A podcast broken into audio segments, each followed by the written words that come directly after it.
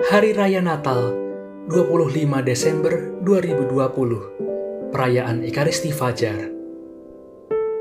Pembacaan dari Kitab Yesaya bab 62 ayat 11 dan 12 Inilah yang telah diperdengarkan Tuhan sampai ke ujung bumi. Katakanlah kepada Putri Sion Sesungguhnya keselamatanmu datang. Sesungguhnya mereka yang menjadi upah jerih payahnya ada bersama-sama dia, dan mereka yang diperolehnya berjalan di hadapannya. Orang akan menyebutkan mereka bangsa kudus, orang-orang tebusan Tuhan, dan engkau akan disebutkan yang dicari, kota yang tidak ditinggalkan. Demikianlah sabda Tuhan.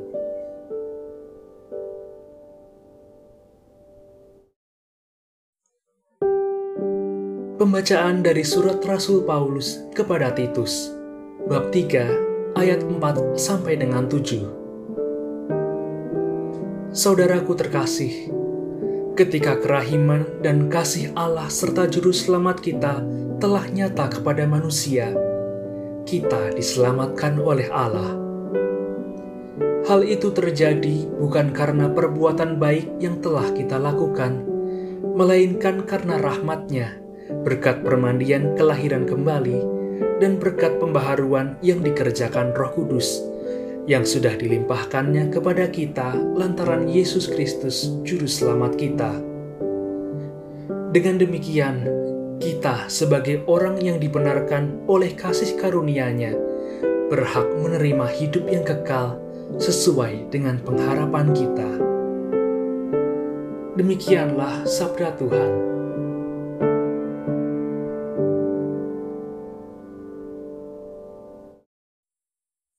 Inilah Injil Yesus Kristus menurut Lukas, bab 2, ayat 15 sampai dengan 20. Setelah mendengar berita kelahiran penyelamat dunia, para gembala berkata seorang kepada yang lain, Marilah kita pergi ke Bethlehem untuk melihat apa yang terjadi di sana seperti yang diberitahukan Tuhan kepada kita.